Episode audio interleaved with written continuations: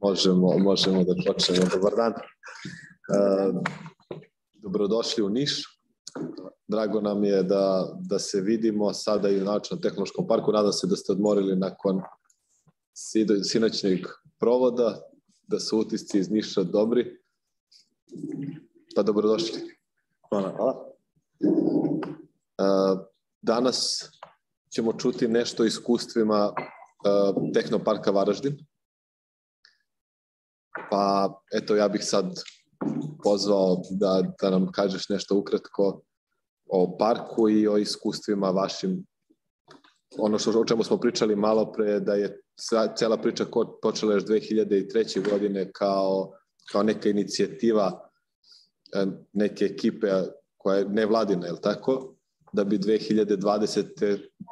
do da biste dobili, da kažem, i, i novu zgradu i nov prostor, preko 100 kompanija alumnija, trenutno 50 kompanija, tako da eto, to je neki kratak uvod, ali verujem da ćeš nam ti dati i detaljniju priču. Pa da, znači 2003. godine je to krenulo kao um, inicijativa od nekoliko pojedinaca koji su onda došli jedinicama lokalne samouprave i rekli da bi bilo dobro napraviti um, nešto poput tehnološkog parka s obzirom da je taj trend postojao i pokazao se kao uspješan u mnogim dijelovima svijeta i Europe pa eto im je lokalna zajednica izašla u susret i dodijelila jednu zgradu koja u tom trenutku nije služila ničemu, znači bila je pred propadanjem, ali je bila u dobrim mogućnostima pružiti poduzetnicima odmah taj smještaj i tražila se neka mogućnost rekonstrukcije te zgrade. Tako da i već prije same rekonstrukcije su poduzetnici bili smješteni, znači taj community je već prije i onda eh, nakon završene rekonstrukcije praktički zgrada već odmah bila napunjena. Jel imam prezentaciju? Ta prezentacija je tu, sada će i... Znači, 2007. E, godine onda započela rekonstrukcija jer je dobiven projekt od jedne e, vladine agencije koja je dobila e, zajam Svjetske banke.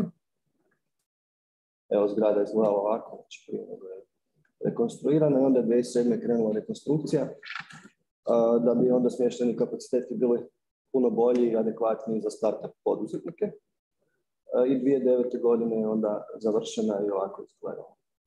U tom trenutku je bilo smješteno 30 kompanija u tehnološkom parku. Mahom su to IT tvrtke, s obzirom da na našem području postoji e, fakultet organizacije informatike koji stvara taj kadar, a taj kadar onda sam, neki od njih sami postaju poduzetnici, ali onda i zapošljavaju e, nove naraštaje koje proizlaze iz tog fakulteta.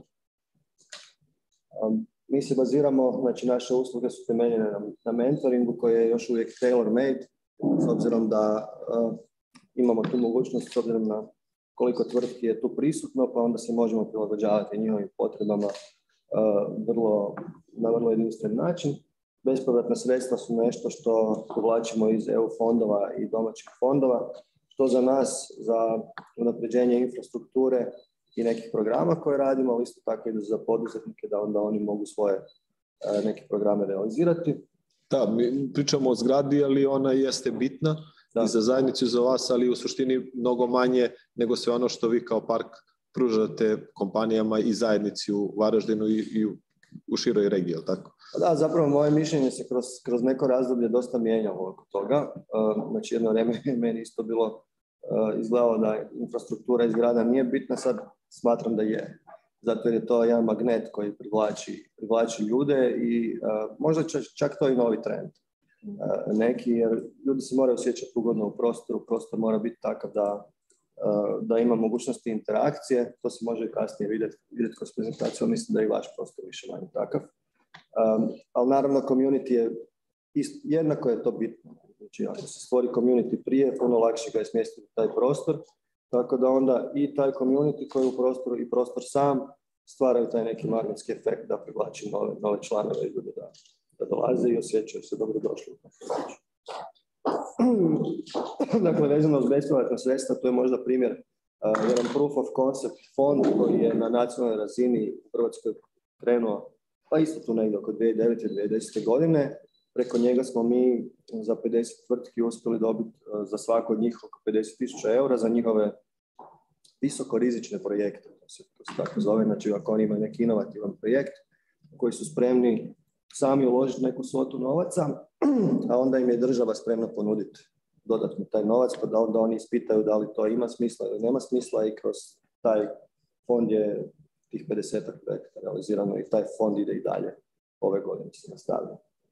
Jednako tako radimo i evente, jedan od primjera je Google konferencija koja je zadnji put evo, bila održana 2019. godine. Tu se onda događa i neko startup natjecanje, prezentacije primjera dobrih praksi i razno razna predavanja i okuplja oko 300 sudionika na jednoj konferenciji, znači kao jednodnevni event. E, samo jedno, jedno pitanje. Koliko Varaždin ima, ima stanovnika?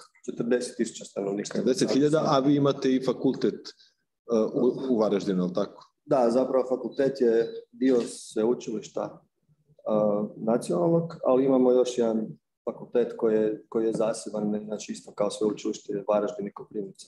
I on je resurs odakle baza, da. baza dolazi. A koliko, s obzirom da Zagreb nije daleko od Varaždina, koliko je sad utjecaj Zagreba na vas E, pozitivan, odnosno koliko možete koristiti tu blizinu, odnosno ili negativan s obzirom da, da mladi možda idu ka većim gradovima? Zagreb je oko, ja sam pročitao, 85-86 km udaljen. Pa da, sat vremena. vremena vožnje vrlo blizu. Znači pozitivan utjecaj u tom smislu da neke zagrebačke tvrtke stvaraju odjele u Varaždinu s obzirom na radnu snagu koja im je dostupna. Radna snaga, odnosno IT stručnjaci su danas veliki problem da se dođe do njih. Tako da ili se oformljuju nove tvrtke od strane nekih suosnivača i vanjskih ili se ti satelitski uredi otvaraju, neke od njih su Da, zašto ovo pitam? Jako mi je bitno, evo mi imamo ovdje goste iz, iz Paraćina, oni kreću jednu priču upravljanja start-up centra i onda ne mora veliki grad, ne mora e, centar regiona da bude jedino mesto gdje će da se dešavaju stvari. To je upravo vaš primjer, da, da se u malim sredinama i tekako mogu da nastaju e, velike i dobre kompanije. Nešto, poslednji exit ste imali vrlo ozbiljan, jer bi nam nešto više rekao o tome. Pa da, isto je temeljen na tome. Znači, ključna stvar su ljudi i stručnjaci koji su dostupni u tom području. Tako da taj exit je od jedne tvrtke koja je kanadsko-hrvatska tvrtka koja je radila neki projekt, odnosno produkt koji je inovativan u području uh, project eh, lifecycle managementa. Taj projekt je prepoznat onda od eh, nekoliko VC fondova koji su investirali par rundi investicije i na kraju akviziran od strane Autodeska i oni su sad dio te korporacije. A, radi se zapravo, varažinski dio je development team, tim od nekih 20 do 25 ljudi koji su onda evo, nastavili raditi u Varaždinu, samo sad pod okrem Maltinjska. Da. I šta je, možda vaš e, savjet, preporuka tim malim sredinama koje se opet nalaze blizu velikih centara gdje pretežno kompanije dovoze svoje investicije, odnosno gdje se veliki broj e, fakulteta čine grad privlačnim za studente i za, za sam život. Pa evo, iz našeg iskustva to je zapravo to. Ako, ako ima kadar koji se stvara, e, kreira se neka infrastruktura koja je adekvatna za taj kadar da može u njoj stvarati, to je neka, neka formula našeg uspjeha. Treba prepoznati te e, potencijale koje određena zajednica ima i onda prema tome graditi program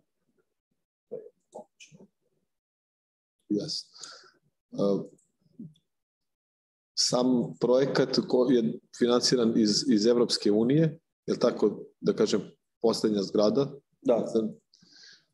Pa evo, znači, uh, s obzirom da se pokazala potreba za daljnjim proširenjem, mi smo onda i u to ušli uh, preko EU projekta 2020. godine, uh, gdje smo to prijavili znači, na dodatnu rekonstrukciju i dogradnju tehnološkog parka da bi realizirali uh, 4000 kvadrata ukupno koliko sad imamo, to je ukupna vrijednost toga je bilo 2 milijuna eura i eto kapaciteti su onda ovog tipa, znači neka, neki prostor za zajedničko druženje, za evente koji je modularan, gdje se mogu održavati i sastanci i workshopovi, i edukacije, ali i eventi poput manjih konferencija za do 80 ljudi i meetupi koji su isto dosta bitna stvar. Mi jednom mjesečno održavamo tematske meetupe po pitanju developera, generalno biznisa i makera, prostori za druženje ovog tipa, znači neka neformalna druženja koja su jednako bitna kao i formalna druženja jer se tu stvara taj, sinergijski efekt.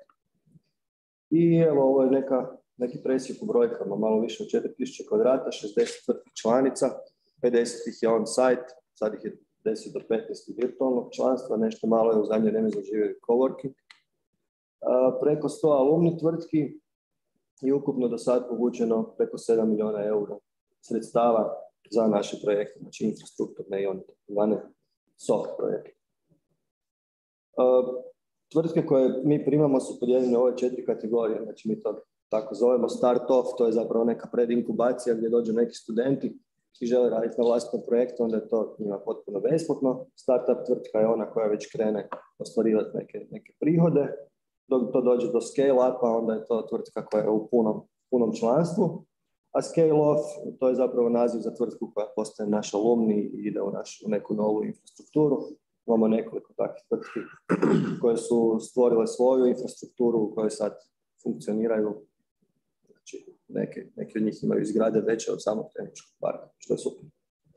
Da, što je suštini da, to je I, i, pokazatelj vašeg rada i, i uspjeha. Da, njihov više nego naš. Dobro, i vi imate, tu dela, ja? E, presjek usluga koje mi nudimo podijeljen na ovaj način, znači pristup infrastrukturi, to su uredski prostori i zajednički prostori, e, ovaj access to peers, to je zapravo community, pristup čitavom community ne samo onome koje je on-site, nego i tom alumni community-u, znači važno je za reći za, da tvrtke koje su iz e, proizašla iz inkubacijskog procesa su zapravo i jak dio zajednice i dan danas, taj neki od njih su i osnivači Makerspace-a koji ću, koji čuti kasnije, to nam je zapravo jako, jako bitna, jako bitna stvar. Um, to je ta giving back kultura koja kod nas još nije u potpunosti zaživjela, ali eto na tome, tome radimo, to, je, to nam je jedna od misija zapravo da te tvrtke koje su dobile nešto od zajednice da to vraćaju u zajednicu.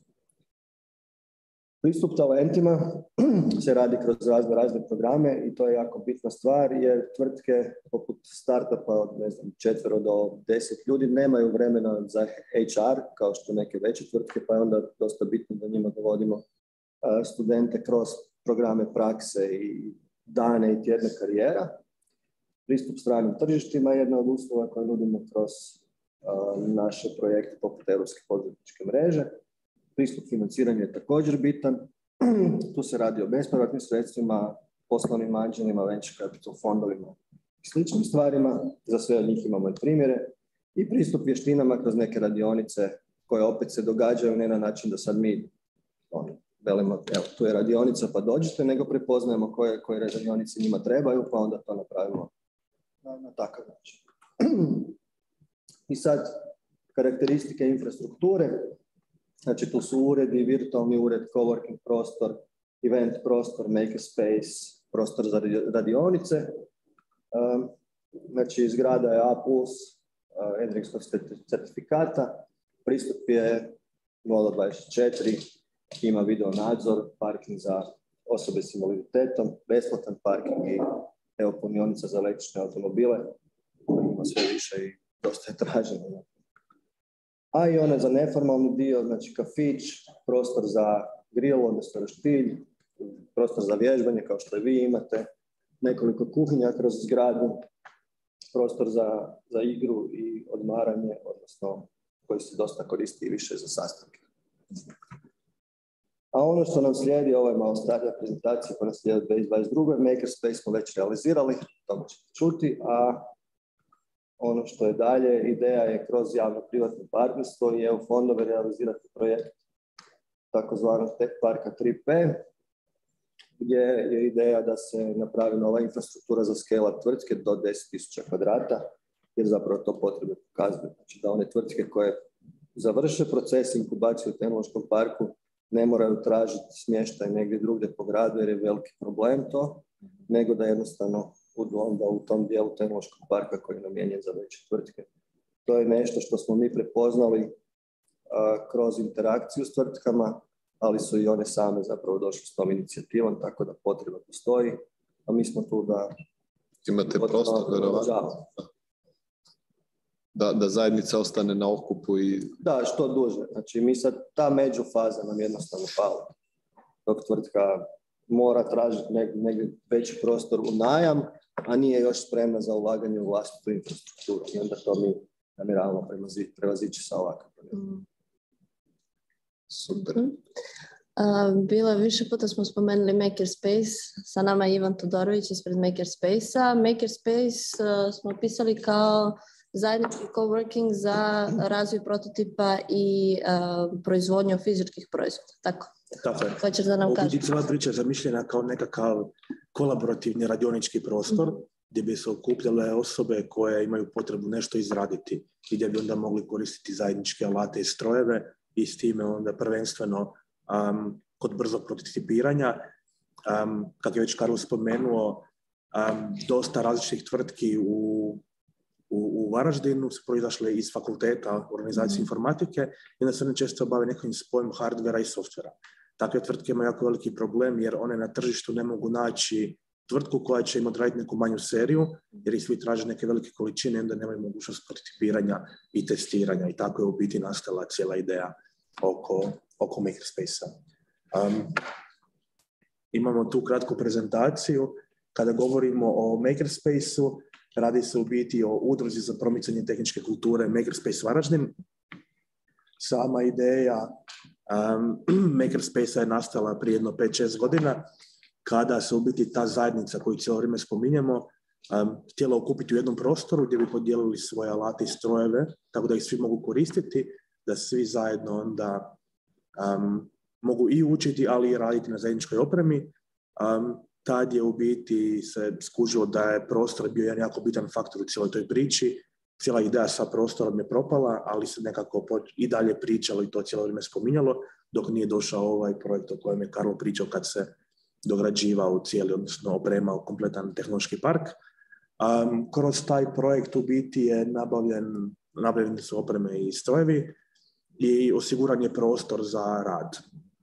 S obzirom da je tehnološki park tu igrao jako veliku ulogu u samom opremanju kompletnog prostora, gledali smo, htjeli smo da sami Makerspace ima nekakvu, da ga malo odvojimo u biti od um, pravnost cijele te strane i onda smo u biti odlučili otvoriti udrugu, odnosno neprofitnu organizaciju, jer kao neprofitna organizacija imamo mogućnost prijeve različitih projekata koji su većinom 100% financirani i u biti cijela ta procedura je jednostavnija a, i nije sve to zamišljeno u biti da bi se nekao profit onda i stvarao. Zato je u biti došlo do udruge. Um, udrugu su osnovale tri tvrtke, odnosno to su bili Mobilisys, Tehnološki park Varaždin i Div Plastik.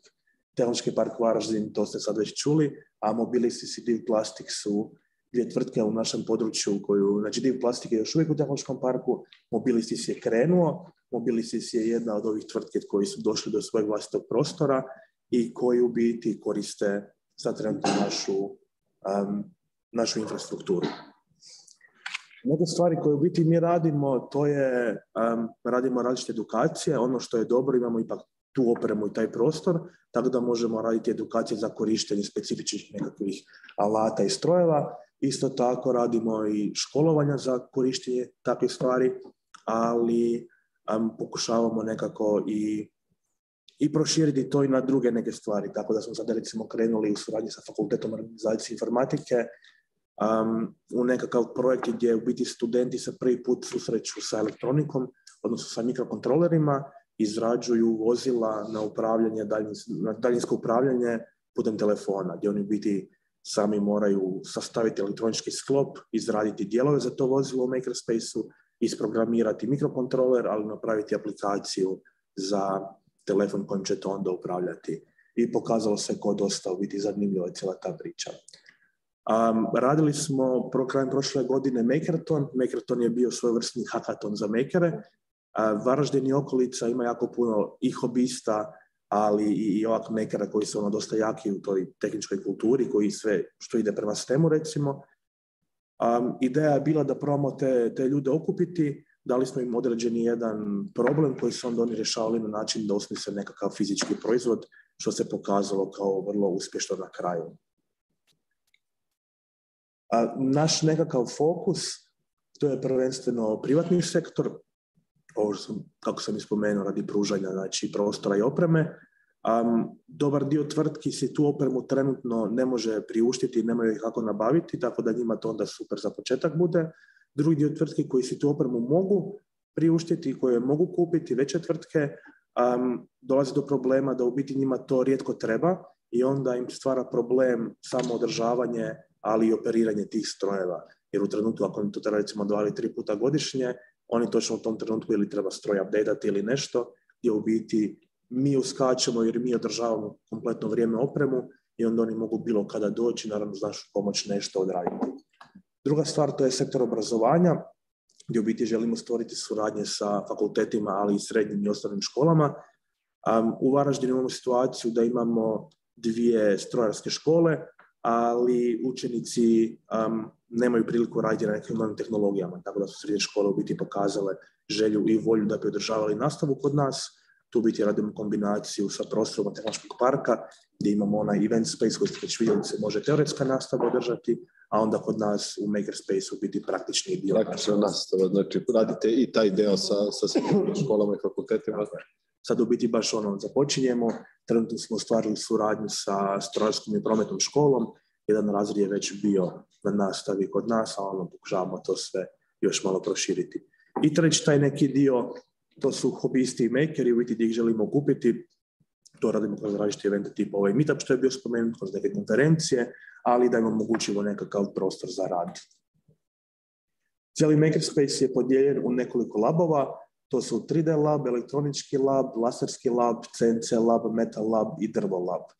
Um, gledali smo nekako kad se uzimala ta oprema da u biti pokrije potrebe brzog prototipiranja ono, u tim branšama koje su u Varaždinu i oko Varaždina i mislim da smo ono, to dobro i odradili. Naravno, kako mogućnosti daju, ono, tako se i širimo, i novu opremu ovoga ste radili prvo neko istraživanje tržišta, onda na osnovu onog što vam je privreda i okruženje reklo, tako ste i koncipirali laboratorije i mašine, je tako? Pa na tako nekakav način. Mi smo u biti imali zajednicu od prije koja je imala ideju Makerspace, ali se nije moglo ostvariti prvenstveno radi prostora.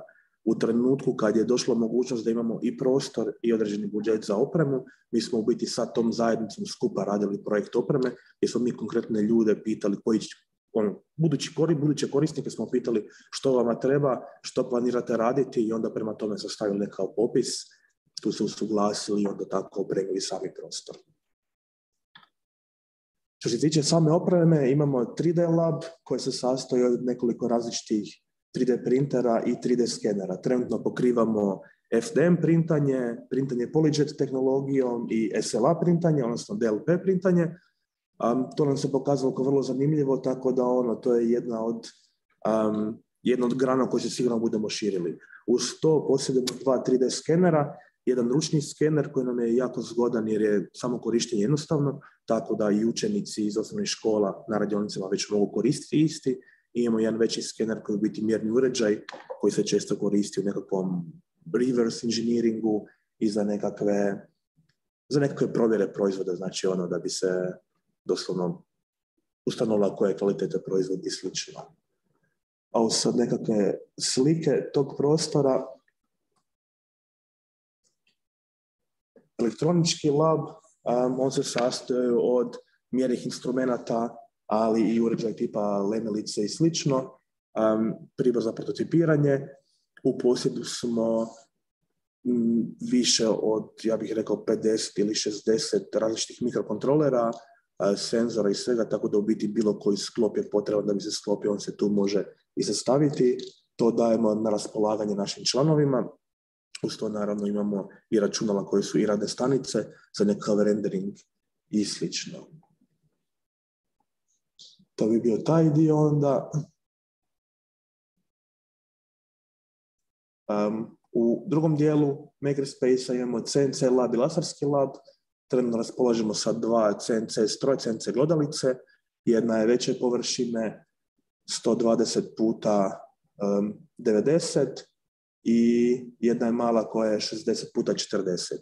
Veliki CNC se prvenstveno koristi za obradu drveta i nekakvih mekših metala, a manji CNC je predviđen za izradu tiskanih pločica. S obzirom da nemamo liniju za tiskanje pločica, onda je ovo vrlo jednostavan način za to odraditi ili za neke manje gravure finije obrade i slično. Laser Labu posjedujemo CO2 laser za rezanje i graviranje. to je jedna ovak, vrlo, vrlo zanimljivi stroj u biti. Tu smo primijetili da sami operater ne mora prolaziti nekako veliko školovanje jer samo korištenje stroja dosta jednostavno.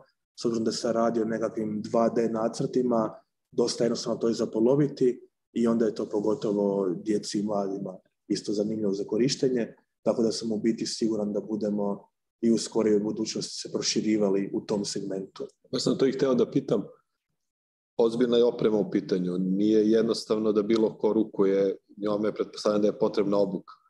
Um, u Hrvatskoj je stvar da recimo alati strojevi koji se um, koji rade obradu metala s trugutinom, tu mora biti određena zakonska obuka.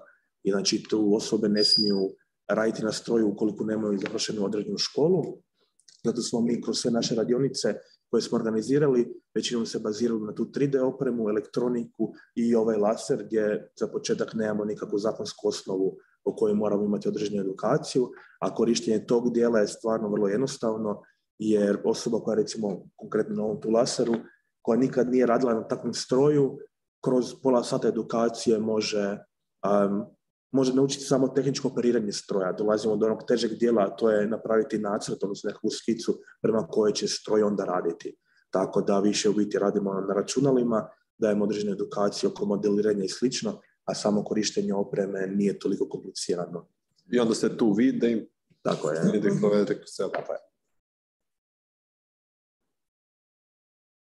Idući dio je Drvo Lab, to je prostor koji smo opremili različitim ručnim alatima i pilama za obradu drveta. To je stvar dosta zanimljivo jer ljudi generalno vole obrađivati drvo jer je jednostavno je obrađivati i cijena same sirovine nije toliko skupa. I baš ovdje imamo predstavnike jedne firme koji, se bavi između ostalom i obradom drveta. Jako mi je drago što imamo i ljude iz privrede koje će verovatno ova tema i verovatno ovaj koncept itekako kako da, da zanima, tako da verujem da nakon ove prezentacije ili ovo hoću da ih pozovem da ukoliko ima neko pitanje da slobodno da slobodno da pače. Mali metal lab u biti sastoji se od nekoliko različitih glodalica, od jednog tokarskog stroja i u biti stanice za varenje gdje um, imamo mogućnost stigmig varenja, ali i plazma rezanja. I to bi bila ukratko prezentacija samog Makerspace-a.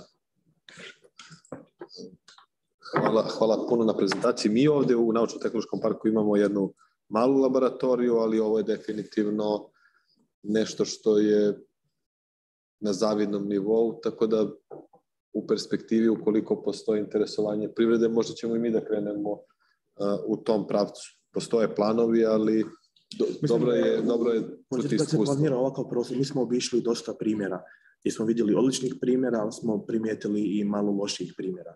Ono što je bitno, to je opremu kupovati smisleno prema realnim potrebama, a ne prema financijskim mogućnostima u tom trenutku. ima jako puno slučajeva gdje su različite institucije pokupovale najskuplju moguću opremu koja onda sad stoji zato što je nitko ne zna koristiti jer realno nema potrebe za korištenjem. Um, u Hrvatskoj ja mislim da trenutno postoji četiri ili pet printera za 3D printera za metal, a, imaju ih različite institucije, a realna potreba je za jedan printer, ako uopće da bi bio jedan printer imao potrebu. I u biti onda se u tim institucijama događa to da ono, samo operiranje sve toliko skupo i onda ako vi nešto i naručite da vam nešto izrade, vam to ne naprave jer ne mogu skupiti dovoljan broj korisnika toga i u biti tako onda samo stoji oprema. Mm. Tako da ono, u slučaju da se ide u nekako opremanje prostora, bitno je naravno provjeriti realne potrebe, onda prema tome to i napraviti. Znači cijena korištenja i održavanja opreme je jedna od ključnih stvari u planiranju. Jel taj trošak snosite vi ili kompanije koje koriste vaše usluge plaćaju za to? Znači, s obzirom da smo mi um, osnovani, zaregistrirani kao udruga, imamo modele članstva. I sad, ovisno o modelima članstva, imate pristup određenoj opremi ili nemate pristup opremi. Isto tako, u tim modelima članstva određeni dijelovi su pokriveni. Um, trenutno nemamo točno razrađeni plan oko samog održavanja strojeva od strane korisnika, nego ideja da to mi radimo interno. Neke kvarove za sada već jesmo imali, ali smo ih uspjeli sami riješiti bez ikakvog velikog financijskog troška. Um, oprema što više stoji, što se više koristi, naravno da se bude trošila i stvarno treba, znači, treba je redovito servisirati i slično. Nekakav generalni plan je to raditi kroz sponzorstva, ali i kroz projekte. Znači, kada ima nekog prostora u nekom projektu, ovoga, od tu uzeti u biti sredstva i onda obaviti određene servise koje je potrebno napraviti. A što se tiče samog potrošnog materijala, od tipa glodala pa do nekakvih sirovina, to u biti sami korisnici donose onda a studentima i drugim kompanijama iznajmljujete, jel, kako, jel naplaćujete usluge korištenja tih laboratorija ili? Znači, ovo kako sam već spomenuo, imamo taj model članstva.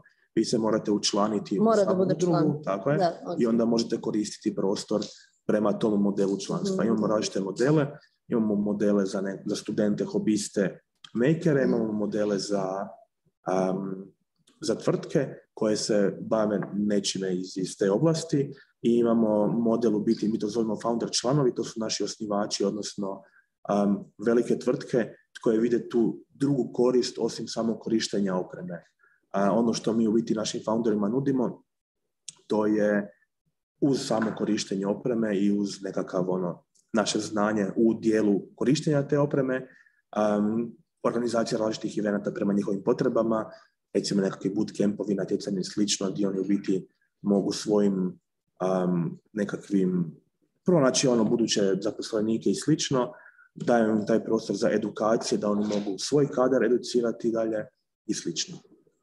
Koliko, uh, koliki doprinos i uticaj, s obzirom, ako sam dobro razumio, vi u Tech Parku imate dominantno IT, E, ovo je dobra šansa da, razvijate i u drugim oblastima, da se da razvijate park i u drugim oblastima. Koliko startupova i firmi je koliko firmi vidi to kao šansu da razvija neki svoj inovativni proizvod ili, ili uslugu i da li je to pravac u kome razmišljate da upravo koristite ovu laboratoriju za pokretanje nekih novih, novih inovacija? Pa ima i nekoliko koji se bave time, znači dok smo mi stvarali tu zajednicu, već smo takve tvrtke inkubirali u tehnološkom parku. Jedna od njih je tvrtka koja je osnivač, jedna od osnivača Makerspace-a, koja sad ide kroz neki dosta značajan rast eh, i smatramo da će ona i dalje napredovati. Neke tvrtke to koriste kao neku dodatnu, mogućnost za neke dodatne usluge, pa su onda zbog toga postali članovi, znači povećavaju portfolio svojih vlastitih usluga neki od e, korisnika su zapravo oni koji koriste taj prostor za neko, ja bih rekao, mentalno rasterećenje od svog standardnog posla, pa im je onda to kao neki hobi i onda se tu malo i daju oduška na nekim drugim stvarima i to su neki njihovi hobi projekti, ali već njihov mindset, ti hobi projekti bi mogli postati komercijalni projekti, tako da ima svaka. Konkretno ovo što sada pitao, kako sam da toga do sad još nije bilo, Um, većina firmi koje se bavi tako nečime imaju nekakvu svoju hobističku opremu. S da sada ovaj tu prostor postoji i sada ta oprema je tu, ja pretpostavljam da ćemo imati ono sve više i više upita prilikom pokretanja takvih firmi u biti. Jasno, jasno. Definitivno odlična šansa i jednostavno korist za, za, za firme koje smanjuju svoje troškove, a eto čujemo i da je zajednica koristi na, i za hobističke potrebe, da kažem. Uh, rekao si nam da su planovi za 2022. nov prostor, širenje parka. Da li možeš još nešto da nam kažeš šta planirate da radite u, u budućnosti i gde je neki vaš pravac, gde vidite park za pet, odnosno deset godina? Pa da, to je taj pravac. Znači 5 do 10 godina da povećamo kapacitete ono, na, na još 8 do 10 tisuća kvadrata i onda bi bili na nekih 14-15, što je za grad poput Varaždina sasvim dovoljno za jednu, za jednu bazu tehnološkog parka za startup i scale-up tvrtke. E, tu je izazov pronaći model financiranja toga. Mi namiravamo JLS-ove rasteretiti tim javnim privatnim partnerstvom, ali na njima je da oni to prepoznaju i da daju neki inicijalni boost koji je od ovog trenutka još malo izostao, tako da treba njima, njih boostat da bi oni to dalje negdje izlobirali. programe koje smo radili do sad, poput, odnosno gdje smo sudjelovali, a, konferencije, organizacije startup evenata, radionica, talent huntovi i takve stvari, to i dalje namjeravamo raditi, zato jer i dalje to tvrtkama potrebno. Neki novi trendovi, možda je to dobro spomenuto ovdje, koji su prepoznati od strane nas, ali i od strane tvrtki koje djeluju. To je takozvani neki interni coworking kod tvrtki koja je dovela, do, kojeg je dovela ova COVID, COVID-19 situacija. Gdje su tvrtke prešle na neki hibridni način rada. Prvo su u nekom strahu sve išle na rad od kuće, onda dok im je to falilo, onda su se neki od njih vraćali u urede i sad imaju taj neki, neki prijelaz i onda su tvrtke koje imaju dosta, dosta velike prostore shvatili da i nemaju potrebe za tolikim prostorima s obzirom da nisu 100% ispunjene i onda su uveli da više nema svako svoje radno mjesto, nego je radno mjesto namijenjeno za rad nekog od stručnjaka i onda se oni međusobno izmijenjuju. Danas je jedan od doma, sutra je jedan od ureda.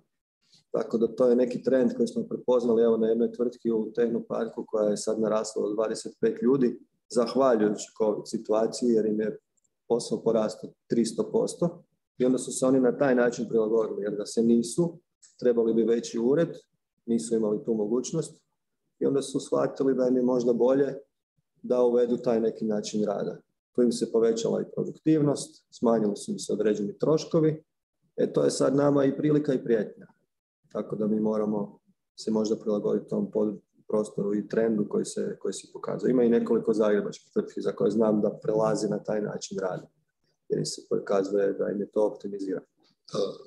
Tako da to je ono neki novi moment u, koji se pojavio mimo nekih naših planova koji idu dalje, ali trebamo, trebamo ono, skrenuti pozornost na, i na takve situacije. Dobro, čim je prepoznat to, onda je verovatno izvesnije da će da bude šansa nego, nego pretnja. Ako nas zatekne... onda... da trebalo bi biti. Ne? Ali taj trend koji se događa, tvrtke malo drugačije funkcioniraju. Recimo, kod nas je uh, coworking nije zaživio kao koncept. Tvrtke i korisnici koji su mislili da ga žele su zapravo shvatili da ga ne žele, nego su htjeli takozvane dedicirane urede. Ja mislim da je tu više stvar našeg mentaliteta. Da. Općenito nam tu područje Europe gdje ljudi jednostavno nisu spremni kada nešto rade dijeliti svoj prostor sa drugima. Pogotovo dok rade, ne znam, tehnološke neke proizvode ili nešto. Ljudi se žele zatvoriti da ih niko ne vidi, da bude jednostavno sami i to je to. I zato mislim da jednostavno taj dio kod nas nije nije zaživio. Bio je taj pokušaj kod nas, ali i po gradu određeni. Drugi su probali s nekim coworking prostorima, ali to jednostavno nije nikada ovoga.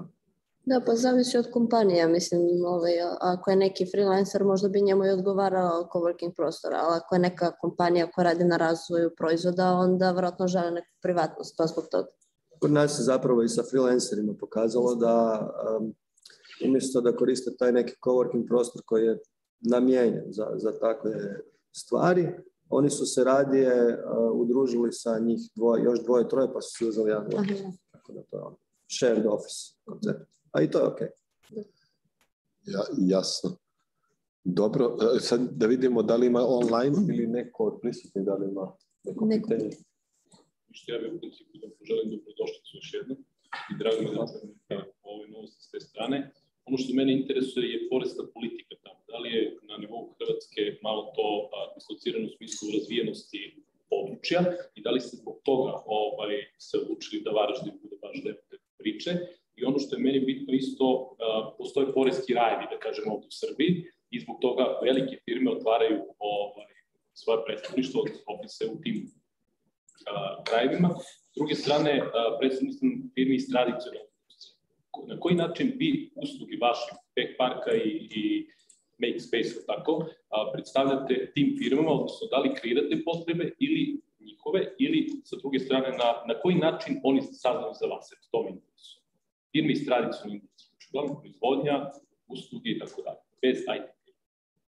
Dobro, Prvo ja, može.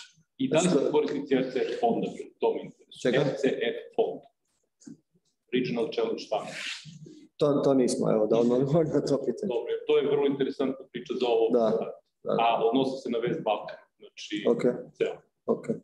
Znači, vezano uz poreze nema tu nikakve igre, takozvane, vezano uz neki lokalni dio što se tiče Varaždina, ali porez, porezna politika, odnosno porezni sustav, dosta utječe na IT sektor, s obzirom da, evo recimo, tvrtke strani, strani investitori dolaze po kadar kod nas, ne? znači otvaraju recimo urede i zapošljavaju radnu snagu e, jer je dobra, jer je kvalitetna, jednako kao i kod vas. Znači kadar je stručan i na taj način je prepoznat, ali dok uđu u onaj viši platni razred, onda, onda to e, jedan developer njih košta izuzetno puno, čak dosta blizu koliko ga košta vani dok uđe u taj viši platni razred, tako da to je problem i izazov koje bi se trebalo prepoznati i rješavati na nekoj nacionalnoj razini, ali eto, eh, ja mislim da do sad još nije baš potpunosti prepoznat. Drugo je bilo ovo za proizvodne tvrtke, odnosno neke druge... Uvezivanje sa firmama iz tradicionalne industrije, da. Nudite kao, kao ono, prostor, usluge koje kako saznaju firme iz tradicionalne industrije mhm. za vašu vaš pa- nastup ka njim.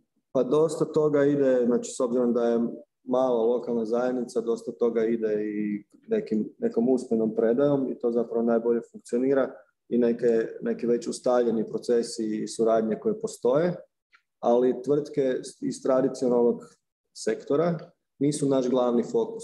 Fokus nam je zapravo da tvrtke koje su kod nas pružaju njima neke usluge, tako da to je dosta individualno usmjereno.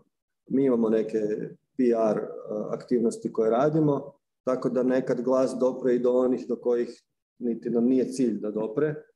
To se recimo događa kroz neke lokalne tiskane novine u kojima nam čak nije u interesu se prezentirati. Onda dođe glas do krivih ljudi, postavljaju neka kriva pitanja, ali opet s druge strane nije loše ni da se čuje.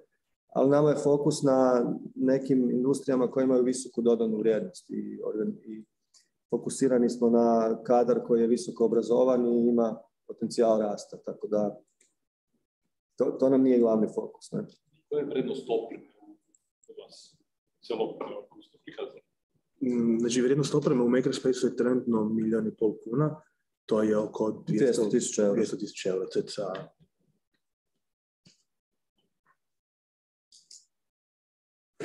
Dobro. Jer imamo još... o, I sa moje strane dobrodošlica. Ja nisam deo uh, eh, Enke Parka, dolazim iz Akademije tehničko-stitskih to je jako Ovaj, mi u akademiji imamo laboratorij napred tehnologije koje je poput Making eh, Space, dušan malo manje ovaj, eh, vremena.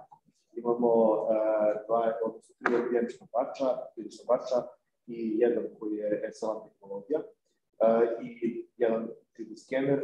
Ono što mene zanima je, pošto mi radimo dosta obok za prirodnu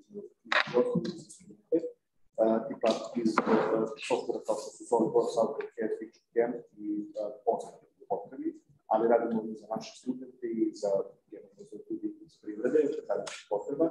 Da li vi radite takve vrste obuka, ste spomenuli edukaciju, da radite ili samo radite edukaciju za vaše članove, oni koji su registrovani, tipa kao kompanije ili kao makeri i tako dalje, to je jedno pitanje, prvo i e, drugo pitanje, da li ste imali potrebe da neka treća, četvrta, peta kompanija koja e, ne sarađuje sa vama, traži od vas recimo da napravite na primjer tri, proizvoda ne, ili deset proizvoda na, Štapaču ili na centri godovici kako god, a da ono nije vaš plan, nego jednostavno kao da bukvalno outsourcuje nešto ovaj, i da vi radite kao, kao neka firma, kao, kao uslugu. Mhm.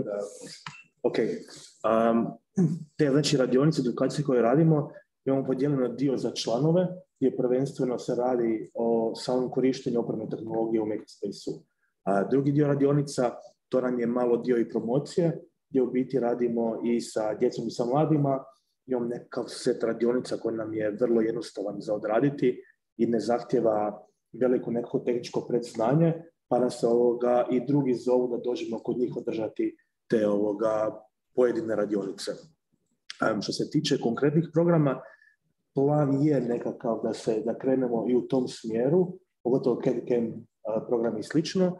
a trenutno to ne radimo jer nemamo mogućnosti um, da kroz vlastita sredstva nabavimo i opremimo računova tim softverima i mislim da u ovom trenutku, nekom, jer smo još uvijek u početnom stadiju, niti nemamo potrebe za time. Um, sve ove naše edukacije radionice kojima radimo više da upoznamo osobe sa, sa ovom tehnologijom, da oni shvate, um, znači da oni imaju neki predmet u prostoru, da je taj prostor na ekranu, tako da koristimo ono od nekih jednostavnijih alata, doslovno tipa Tinkercad, Dautercada, koji je ono idealan alat nekakav početak i slično, i onda u biti probat ćemo um, nekako filtrirati i vidjeti kolika je realna potreba, onda prema tome ono, ići dalje u određenim smjerovima. Što se ovog drugog pitanja tiče, da, događa se. S obzirom da smo mi neprofitni, naša ideja je uvijek da mi taj posao, s obzirom da mi imamo veći visibility na tržištu jer idemo i po sajmovima i mnogo ljudi čuje za nas, češće nas pitaju za tako nešto nego neku firmu koja se možda time bavi. Naša generalna zamisao je da ukoliko mi dobimo takav upit, da onda to izdelegiramo članove, odnosno prenesemo na članove, jer je to jedan od benefita koje mi našim članovima nudimo. I onda ukoliko nitko nema ko može to odraditi od, od naših članova, ukoliko mi možemo tako nešto odraditi, odradit ćemo to sami, a smo pobornici toga da ukoliko dobijemo tako neki upit da vidimo da li možda ima potrebe dalje neke za time i u probamo u smo te osobe, te firme, kao bi se mogli same dalje izrađivati. Ali znači, potreba tržištu postoji. Da, da, kod nas ovdje, mislim, nismo imali do sada više zahtjeva za tako neke e, delove koji su, konkretno pričamo o 3D printu, ovaj, delove koji su tipa 2-3 komada, koji su uh, uklapaju se u našu radnu prostor naših mašina, ovaj, gde jednostavno e, stvarno te, te kompanije ne isplatim se da, da kupe ovu ovaj, mašinu, jer im to treba sada, pa za dva meseca možda, ili nemaju ljude koji mogu to da i ne žele da, da, ovaj, da se bave, e, nego se s nekim drugim stvarima i onda im je lakše da to ovaj, na neki način A to je jedna zamisla, recimo sada FDM i SLA, DLP tehnologija je realno stvarno dostupna, vi dobar printer kupite za 250-300 eura i uz malo sređivanje on može imati ok, nekakav ispis, ne recimo ako industrijski printer, ali ono, za većinu potreba je to dovoljno. Um, mi tu recimo imamo Polyjet, um, u ovom sjevernom području Hrvatske mi ga jedini imamo. Um, to je metoda printanja gdje se materijal sličan rezinu šprica u hladnom obliku na hladnu podlogu i ona se stvrdnjava. Uh, imamo mogućnost printanja visine slojeva do 9 mikrona, što je dosta precizno, materijal je izrazito jak koji koristimo, prvenstveno za nekakvu industrijsku upotrebu, ali imamo mogućnost printanja i um, materijala, medicinskog materijala, materijala za dentalnu upotrebu i slično. kao sad što je tijemno, primjer, gdje je svako za par stotina evra ili ja da kažem da može kupiti mašinu, pa da se igra u kuće ili da, da pravi tako nešto, ali pođe... A nije samo, da, sama tehnologija je, i odnosno je dosta skup, ali je stvar u tome što su i sami materijali izrazito skupi i onda treba dobro, dobro odlagati što se isplati tu raditi, a što ne. Jer za, nekakav, za nekakvu blendu, recimo, što smo jedna od zadnjih stvari koje smo izrađivali, um, na FDM-u jedan primjer nas košta 2 do 3 eura, a na polijetu nas košta isti taj komad 100, 200, um, čak i 300 eura. A u biti ono, razlika je u ne znam, desetini milimetra, tako da sad treba odlagati da li je to potrebno napraviti ili nije ali mogućnosti imamo tako da. Ono. E, ja bih se zahvalila svima koji su nas slušali. Odjavljamo se s ovog online dela i vidimo se za dve nedelje. E, hvala Karlo, hvala Ivane, a mi nastavljamo uz doručak i ovaj, neformalno časkanje. Hvala vam. Hvala